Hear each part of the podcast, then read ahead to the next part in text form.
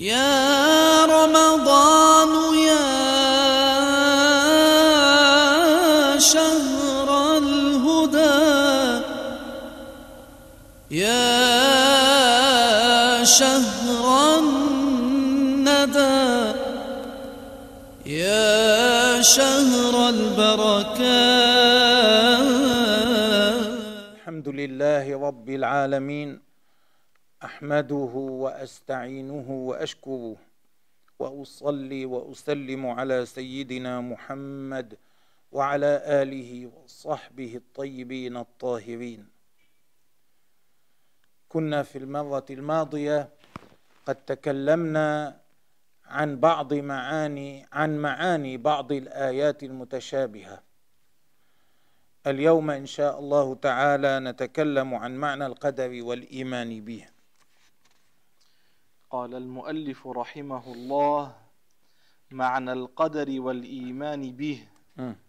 قال بعض العلماء القدر هو تدبير الأشياء على وجه مطابق لعلم الله الأزلي ومشيئته الأزلية. هكذا عرف بعض العلماء القدر.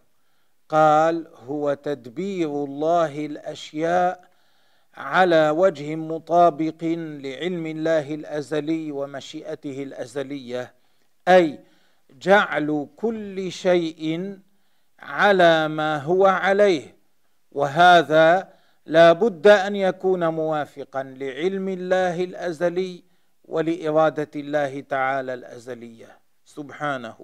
هكذا عرف بعض العلماء القدر وبعضهم قال القدر المشيئة. ومنهم الشافعي رضي الله تعالى عنه م. فيوجدها في الوقت الذي علم أنها تكون فيه يوجد الله يخلق الله يبرز من العدم إلى الوجود كل شيء في الوقت الذي علم أنه يكون فيه م. فيدخل في ذلك عمل العبد الخير والشر باختياره فاذا فعل العبد للخير بتقدير الله وفعل العبد للشر بتقدير الله كما أن سائر الأشياء كلها بتقدير الله. كما أن سائر الأشياء كلها بتقدير الله. ويدل عليه قول رسول الله صلى الله عليه وسلم لجبريل حين سأله عن الإيمان. نعم حديث جبريل المشهور فيه أن جبريل جاء إلى النبي عليه الصلاة والسلام بصورة رجل فسأله ما الإيمان؟ حتى يجيب النبي عليه الصلاة والسلام فيسمع الصحابة فيسمع الصحابة فيستفيدون. النبي عليه الصلاة والسلام قال الإيمان أن تؤمن بالله وملائكته وكتبه ورسله واليوم الآخر وبالقدر خيره وشره. عندما وصل النبي عليه الصلاة والسلام إلى قوله وبالقدر خيره وشره في بعض الروايات أنه زاد وتؤمن. يعني قال الإيمان أن تؤمن بالله وملائكته وكتبه ورسله واليوم الآخر وتؤمن بالقدر خيره وشره. أعاد وتؤمن تدليلا على شدة أهمية الإيمان بالقدر. م. الإيمان أن تؤمن بالله وملائكته وكتبه ورسله واليوم الآخر وتؤمن بالقدر خيره وشره. رواه مسلم. اذا الإيمان بالقدر ركن من أركان الإيمان. ومعنى ذلك أن تؤمن بالقدر بمعنى التقدير. أي أن تؤمن أن الله تبارك وتعالى متصف بصفة التقدير أن الله يقدر كل ما يحصل في هذا العالم خيره أي خير المقدور الهاء ترجع على القدر بمعنى المقدور. فإذا اولا تؤمن بالقدر معناه تؤمن بتقدير الله للأمور التي تحصل. خيره الهاء ترجع على القدر أيضا لكن بمعنى آخر بمعنى المقدور. وشره بمعنى المقدور لأنه لا لا يجوز أن نرجع الهاء على القدر بمعنى تقدير الله الذي هو صفته. لأن الله تعالى لا يقال إن صفته إن صفته منها خير ومنها شر. إنما المعنى يصير المعنى وتؤمن بتقدير الله تعالى للأمور كلها ما كان خيرا منها وما كان شرا. إلى هذا ينحل المعنى. ومعناه أن المخلوقات التي قدرها الله تعالى وفيها الخير والشر وجدت بتقدير الله الأزلي. نعم.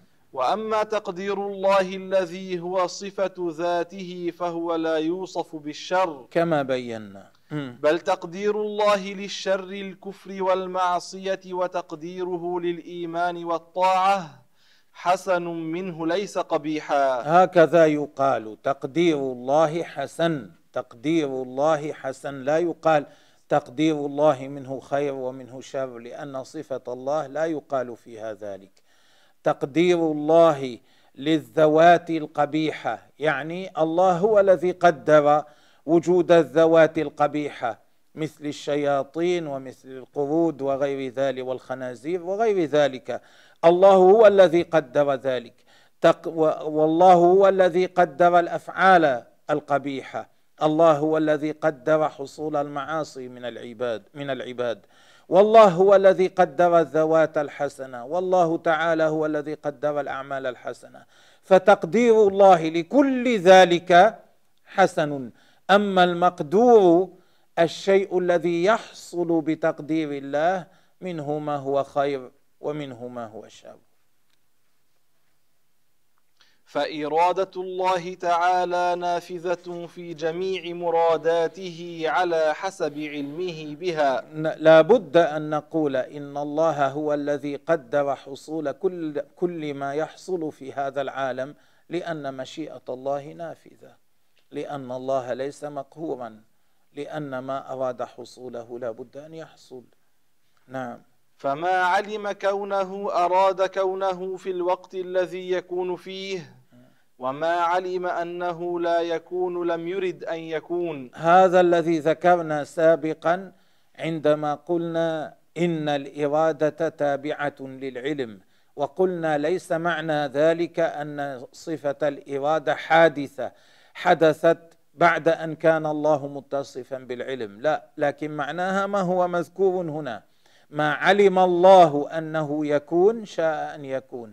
علم بعلمه الأزلي الذي لا ابتداء له وشاء بمشيئته الأزلية التي لا ابتداء لها. وما علم أنه لا يكون لم يشأ أن يكون. سبحانه. فلا يحدث في العالم شيء إلا بمشيئته. هكذا. ولا يصيب العبد شيء من الخير أو الشر أو الصحة أو المرض أو الفقر أو الغنى أو غير ذلك إلا بمشيئة الله تعالى. ولا يخطئ العبد شيء قدر الله وشاء أن يصيبه. كما قال النبي عليه الصلاة والسلام مخاطبا ابن عباس يا غلام لو أن الأمة اجتمعت على أن ينفعوك بشيء لم يقدره الله لك لم ينفعوك به. ولو أنهم اجتمعوا على أن يضروك بشيء لم يكتبه الله عليك ما ضروك به. رفعت الأقلام وجفت الصحف. ما شاء الله حصوله كائن شاءه بمشيئته الأزلية ومشيئته لا تتغير. فقد ورد أن النبي صلى الله عليه وسلم علم بعض بناته ما شاء الله كان وما لم يشأ لم يكن. رواه أبو داود في السنن.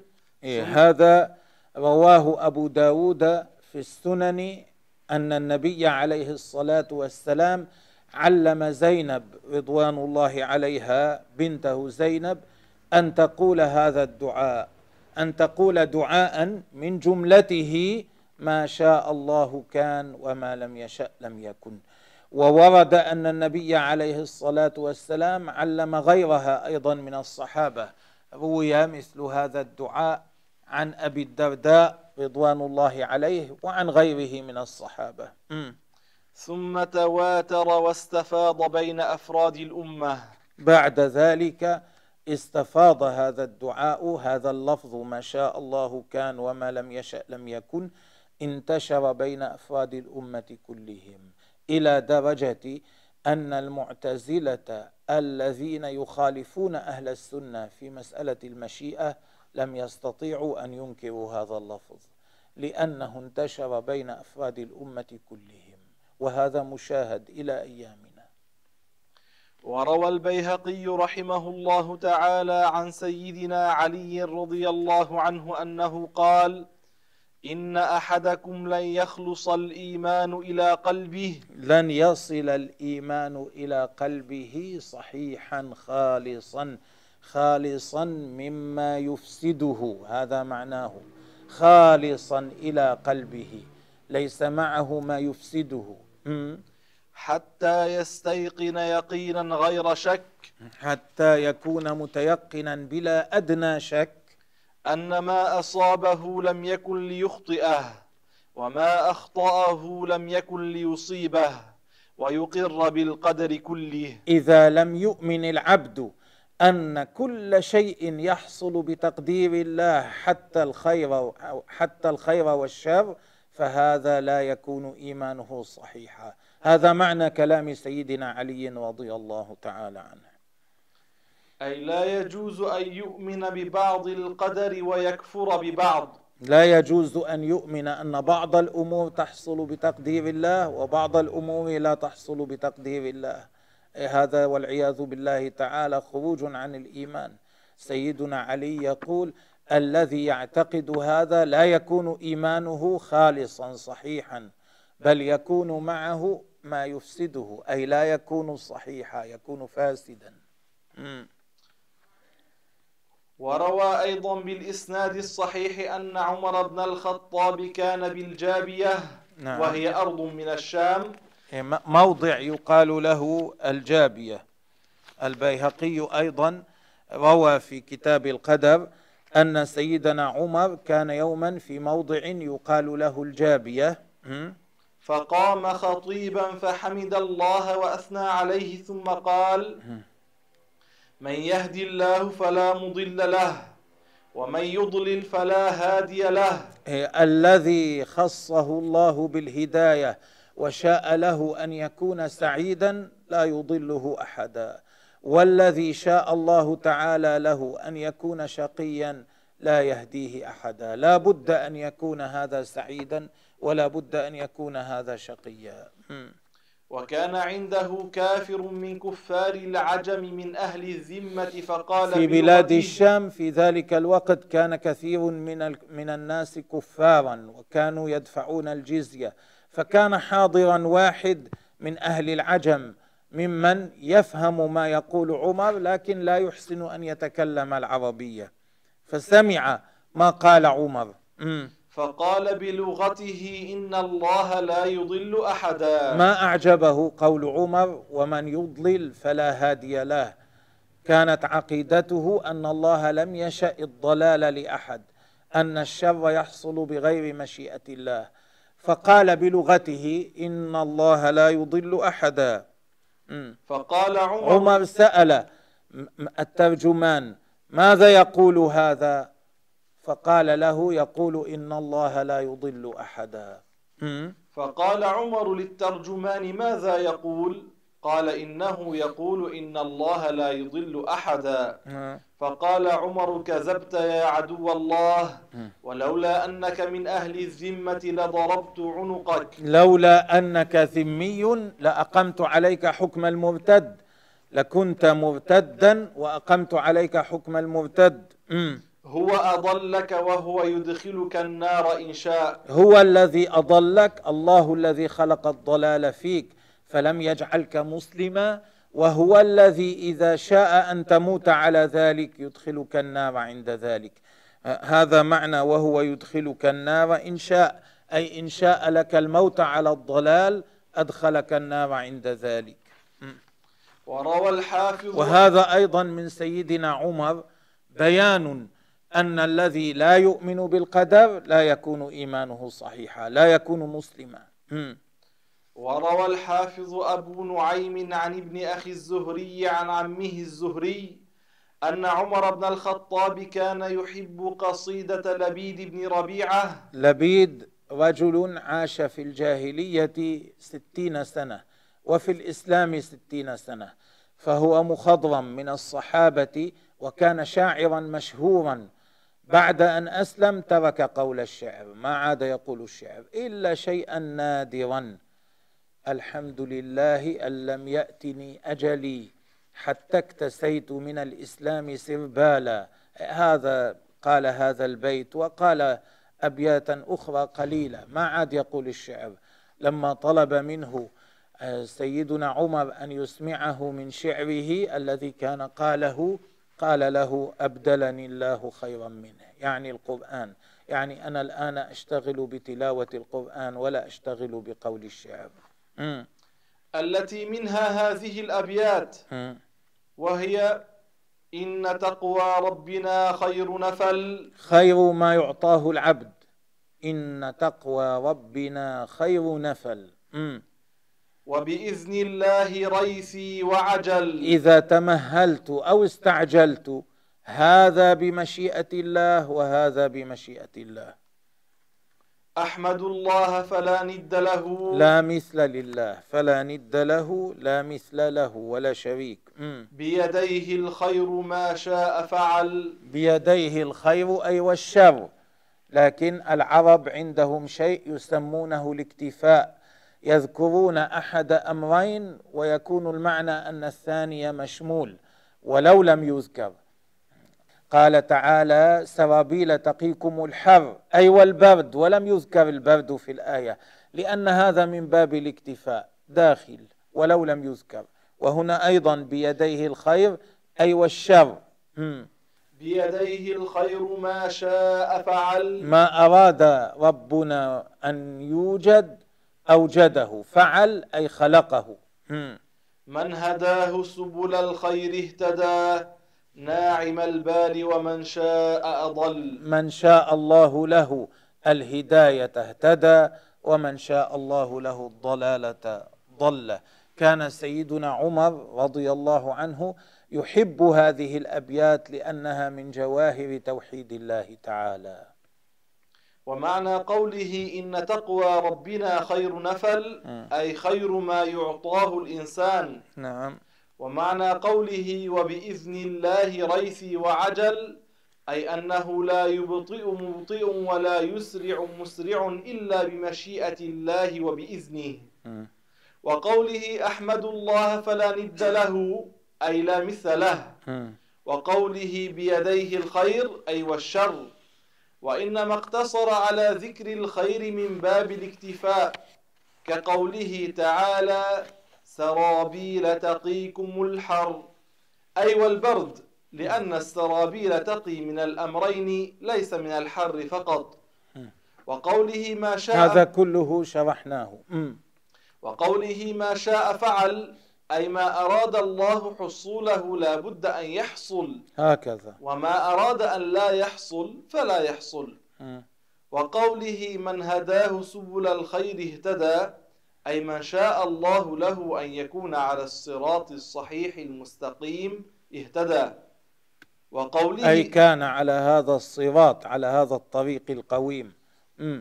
وقوله ناعم البال أي مطمئن البال. هذا معنى ناعم البال مطمئن البال. م. وقوله ومن شاء أضل أي من شاء له أن يكون ضالا أضله. نعم.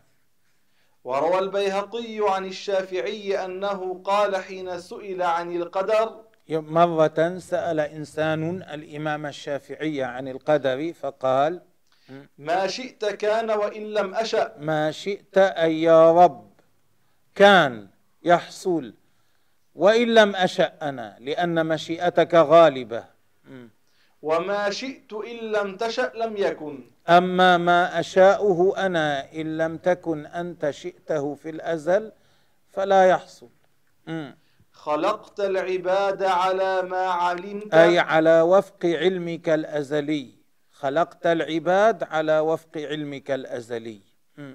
ففي العلم يجري الفتى والمسن. فلا يحصل من فتى من شاب ولا من مسن إلا ما علمت أنه يحصل منه.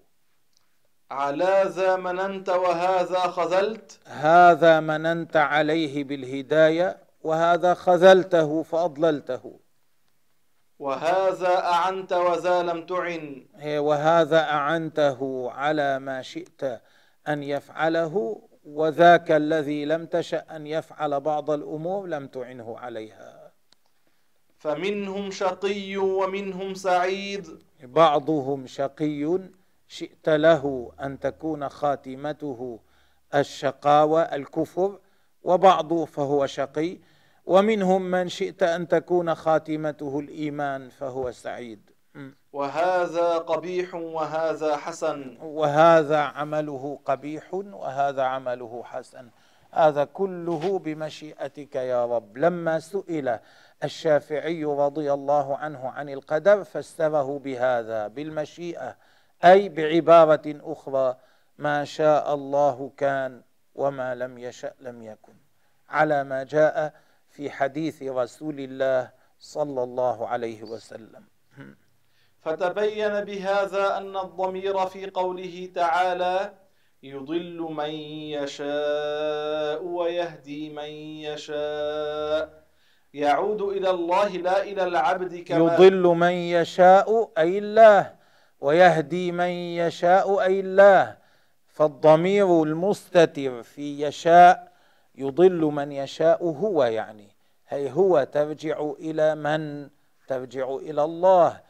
أي يضل الله من يشاء ربنا ضلالته ويهدي الله من يشاء ربنا هدايته. فتبين بهذا أن الضمير في قوله تعالى يضل من يشاء ويهدي من يشاء. يعود إلى الله لا إلى العبد كما زعمت القدرية. القدرية الذين أنكروا القدر الذين نسبوا القدر إلى الإنسان.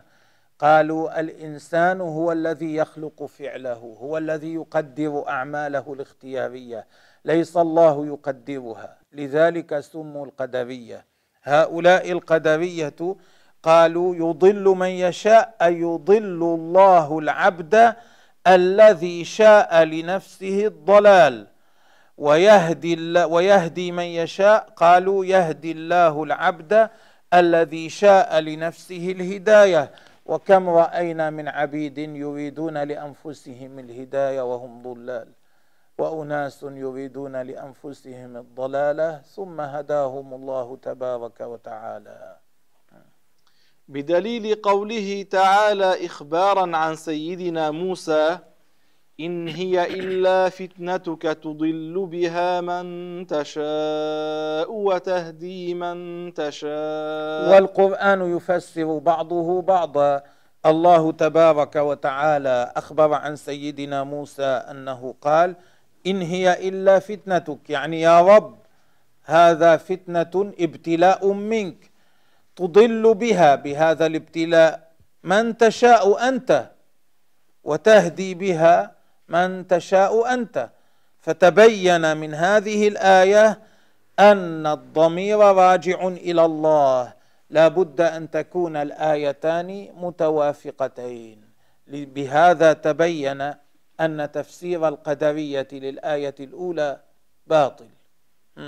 وكذلك قالت طائفة ينتسبون إلى أمين شيخ الذين زعيمهم اليوم عبد الهادي الباني الذي هو بدمشق. هذا أمين شيخ رجل جاهل انتسب إلى الطريقة النقشبندية ثم ادعى مقامات وأحوالا ورتبا أن الله أوصله إليها وهو جاهل. ما عنده علم ما كان تعلم العلم. خلفه رجل يقال له عبد الهادي الباني وهو مثله. جاهل خلف جاهلا وكلاهما مات. لما ذكر شيخنا رحمه الله قال زعيمهم اليوم فلان هذا كان حيا في ذلك الوقت. أما الآن فهو قد مات. فقد جعلوا مشيئة الله تابعة لمشيئة العبد. إيه هؤلاء مشوا على ما قال المعتزلة وهؤلاء لهم ضلالات كثيرة. حتى إنه هذا كان أمين شيخ كان يقول البخاري ومسلم يهوديان إلى غير ذلك من الضلالات الكثيرة.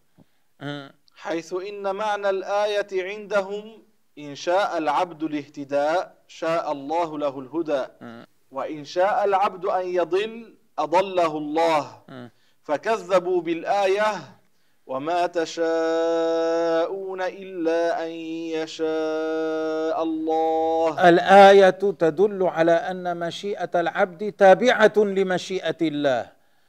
لا يشاء العبد إلا ما شاء الله له أن يشاء. أما هم جعلوا مشيئة العبد غالبة على مشيئة الله. وجعلوا مشيئة الله تابعة لمشيئة العبد على عكس ما جاء في هذه الآية. وكما ذكرنا هؤلاء لهم ضلالات أخرى على زعم على زعمهم جهنم ليست مكانا يعذب فيه الكفار. جهنم مثل المستشفى قالوا. الله يرحمنا. امضي.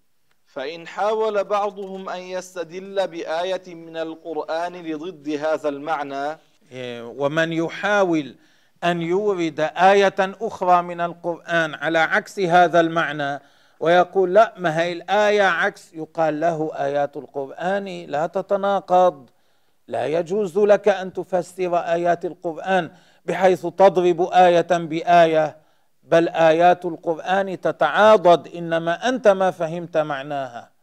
نعم. قيل له القرآن يتصادق. يصدق بعضه بعضا. هذا معنى يتصادق. يجاب القرآن يتصادق يصدق بعضه بعضا. قيل له القرآن يتصادق ولا يتناقض. ولا ينقض بعضه بعضا. لا ينفي بعضه بعضا. لا يكذب بعضه بعضا. فليس في القرآن آية نقيض آية. لا يوجد في القرآن آية هي ضد آية ثانية تكذبها.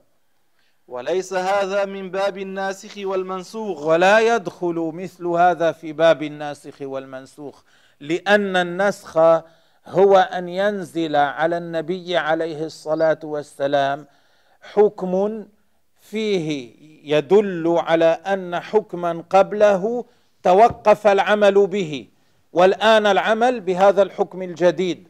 هذا النسخ وهذا لا يدخل الأخبار. لا يدخل.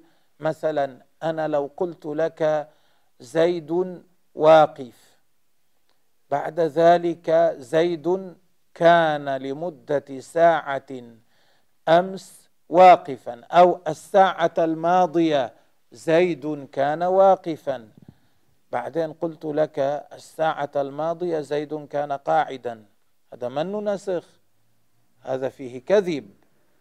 إما فيه جهل ما كنت أعلم ثم علمت أو فيه كذب إذا كنت عالما. لا بد أنني كاذب في أحد الخبرين. ليس هذا النسخ. النسخ معناه أن يتوقف العمل بحكم سابق بحكم لاحق نزل على النبي صلى الله عليه وسلم. أما أن تفسر آية بأن معناها أن مشيئة الله تابعة لمشيئة العبد مع وجود آية ثانية معناها أن مشيئة العبد تابعة لمشيئة الله هذا يؤدي إلى وجود التناقض في القرآن والقرآن منزه عن ذلك. لأن النسخ لا يدخل العقائد وليس موجبا للتناقض. نعم. فالنسخ لا لا يقتضي التناقض النسخ. لا يدل على الكذب ليس فيه تكذيب شيء لشيء لا. فالنسخ لا يدخل في الأخبار هذا الذي ذكرناه النسخ لا يدخل في الأخبار. الأمر كذا الحقيقة كذا. الذي جرى كذا. هذا لا يدخله النسخ. فالنسخ لا يدخل في الأخبار إنما هو في الأمر والنهي. نعم. افعل أو لا تفعل. هذا الذي يدخله النسخ. إنما النسخ بيان انتهاء حكم آية سابقة بحكم آية لاحقة. هكذا هذا معنى النسخ. انتهاء العمل انتهاء العمل بحكم آية سابقة. كيف انتهى العمل بالآية السابقة؟ بنزول حكم في آية بنزول آية فيها حكم جديد. هكذا. م. على أن هذه الفئة لا تؤمن بالناسخ والمنسوخ. إيه، لكن على كل حال جماعة أمين شيخ لا يؤمنون بالناسخ والمنسوخ. نعم. ومن غباوتهم العجيبة أنهم يفسرون قوله تعالى وعلم آدم الأسماء كلها بأسماء الله الحسنى. إيه انظر الله قال علم آدم الأسماء كلها. هذه ال دخلت على أسماء تدل على العموم. أي علم الله تعالى سيدنا آدم أسماء كل شيء. هذا بيت وهذا درهم وهذا محراث وهذا زرع والى آخره وهذا دواء علم الله تعالى آدم أسماء كل شيء. هم قالوا معناه علم آدم الأسماء الحسنى. فإن قيل لهم لو كانت الأسماء هي أسماء الله الحسنى لم يقل الله فلما أنبأهم بأسمائهم. يرد عليهم كيف إذا قال الله تعالى فلما أنبأهم بأسمائهم ما قال بأسمائه؟ بأسمائهم. إذا علمه الله أسماءهم أسماء الأشياء كلها ليس فقط الأسماء الحسنى. بل قال فلم بل قال فلما أنبأهم بأسمائه. إيه، لو لو كان كما يقولون. لقال الله تعالى فلما أنبأهم بأسمائي لما قال فلما أنبأهم بأسمائهم.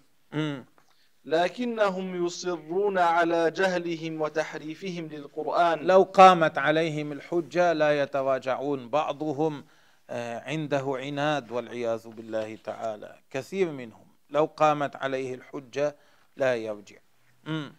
روى الحاكم رحمه الله تعالى أن علي الرضا بن موسى الكاظم كان يقعد في الروضة وهو شاب ملتحف بمطرف خز فيسأله الناس ومشايخ العلماء. كان علي علي الرضا رضي الله عنه وعن آبائه يقعد في الروضة الشريفة وهو ملتحف بمطرف خز يجوز أن يقال مطرف ومطرف. أي آه، كساء يكتسي به فيه علمان. هذا هو المطرف من خز وهو عادة يكون من شيء صوف أو نحوه وفيه قليل من حرير والقليل من الحرير إذا كان في الثوب لا يؤثر يجوز للرجل لبسه. إيه؟ فيسأله فيسأله الناس ومشايخ العلماء في المسجد. إيه لسعة علمه رضي الله عنه كان يسأله حتى المشايخ. نعم. فسئل عن القدر فقال سألوه عن القدر أخبرنا عن القدر. م. فقال قال الله عز من قائل إن المجرمين في ضلال وسعر. يوم يسحبون في النار على وجوههم ذوقوا مس سقر. إنا كل شيء خلقناه بقدر. معنى إيراده هذه الآية أن الذي يكذب بالقدر هو كافر معذب في النار. وهذا علي الرضا من أهل بيت النبوة. وإنما جاء بهذا من كلام رسول الله صلى الله عليه وسلم لأنه ثبت في الحديث الصحيح الذي رواه مسلم وغيره أن هذه الآية نزلت في المشركين جاءوا إلى نبي الله عليه الصلاة والسلام فأنكروا القدر فأنزل الله تعالى فيهم هذه الآية. فهذه الآية صريحة في الدلالة على أن من لم يؤمن بأن الله هو الذي قدر كل شيء فهو كافر خالد في نار جهنم. هذا الذي أراده علي الرضا ثم قال الرضا كان أبي يذكر أبي أي موسى الكاظم.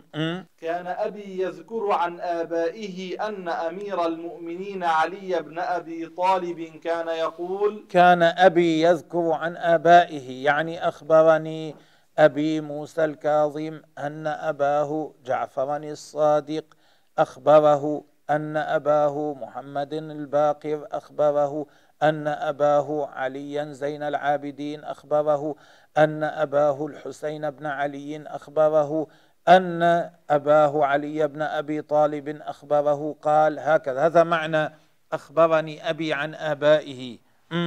كان يقول إن, أي علي بن أبي طالب رضي الله عنه. م? إن الله خلق كل شيء بقدر حتى العجز والكيس. كل شيء أوجده الله تعالى أوجده بتقديره.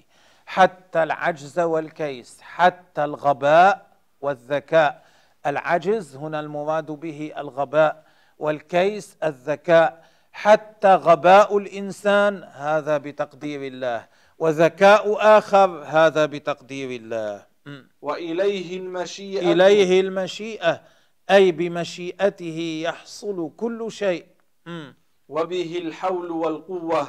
ولا يتحول إنسان عن معصية الله إلا بمشيئته تعالى. ولا يقوى على طاعة الله إلا بمشيئته تعالى. به الحول والقوة. فالعباد منساقون إلى فعل ما يصدر عنهم باختيارهم لا بالإكراه والجبر. إذا العباد يفعلون ما أفعالهم الاختيارية باختيارهم بإرادتهم. ليس جبرا عنهم. أنت تعرف الفرق. كل واحد فينا يعرف الفرق. ضرورة يعرف الفرق. بين الفعل الذي يفعله باختياره والفعل الذي يكون بغير اختياره.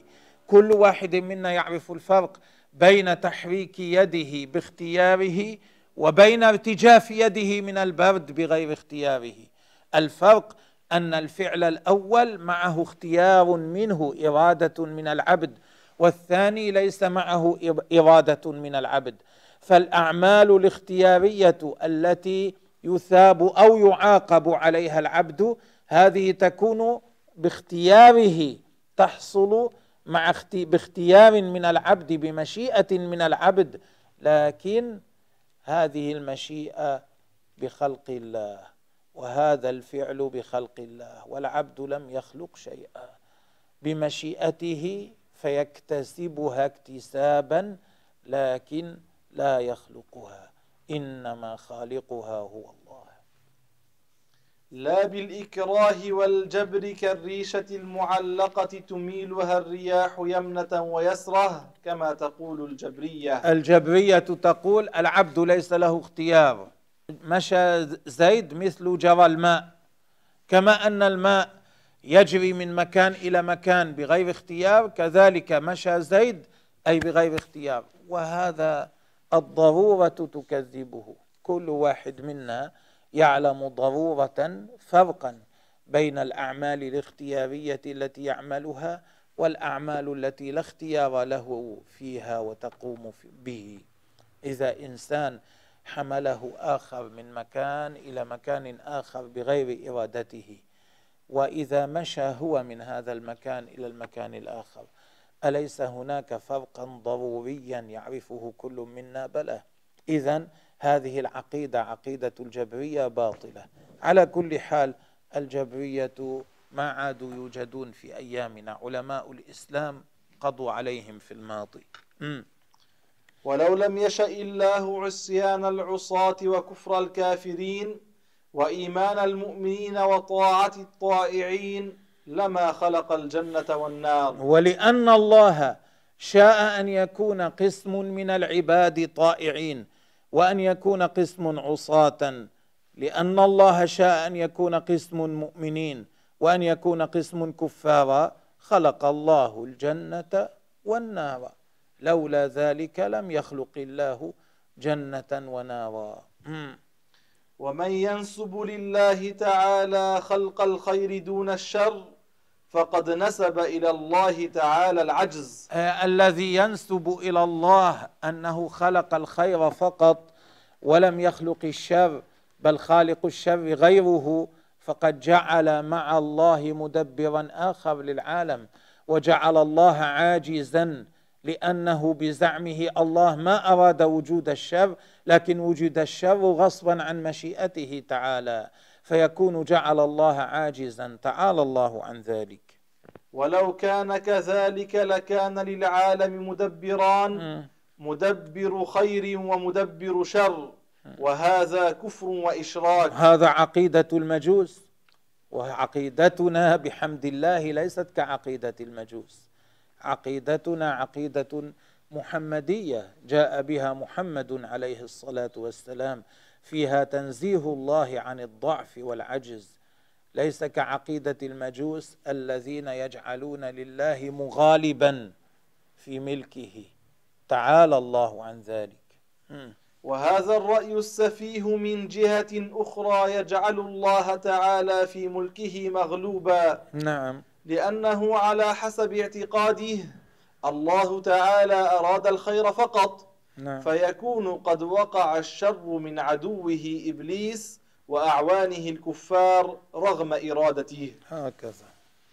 ويكفر من يعتقد هذا الرأي لمخالفته قوله تعالى والله غالب على أمره. آه والله غالب على أمره. الله غالب وليس مغلوبا. فما شاء حصوله لابد أن يحصل لأن مشيئته نافذة سبحانه. أي لا أحد يمنع نفاذ مشيئته. هكذا. وحكم من ينسب إلى الله تعالى الخير وينسب إلى العبد الشر أدبا أنه لا حرج عليه. آه أما إذا قال الإنسان من باب الأدب الخير من الله والشر مني لا يعتقد أن الشر خلقه غير الله. لا يعتقد أنه هو خلق الشر لكن ادبا لا يريد أن يقول والشر من الله من باب الأدب هذا لا حرج عليه. إذا قال الإنسان ما ما كان بي من نعمة فهي من الله ما فعلت من صواب فهو من الله وما كان من خطأ فهو مني لا يريد بذلك ليس الله خالقه. لا يريد بذلك حصل بغير مشيئة الله. إنما ادبا حتى لا ينسب الخطأ إلى الله من باب الأدب. أي هذا لا حرج عليه. ليس كلامنا في هذا. كلامنا في الذي ينفي أن يكون الله هو خالق كل شيء. الذي ينفي أن يكون الله هو الذي خلق الخير والشر كليهما. هذا الذي يكون كافرا. أما إذا اعتقد أن الله خلق الخير دون الشر فحكمه التكفير. لأنه يكون شابه المجوس كما قدمنا. وبهذا نكتفي اليوم. والله تبارك وتعالى أعلم.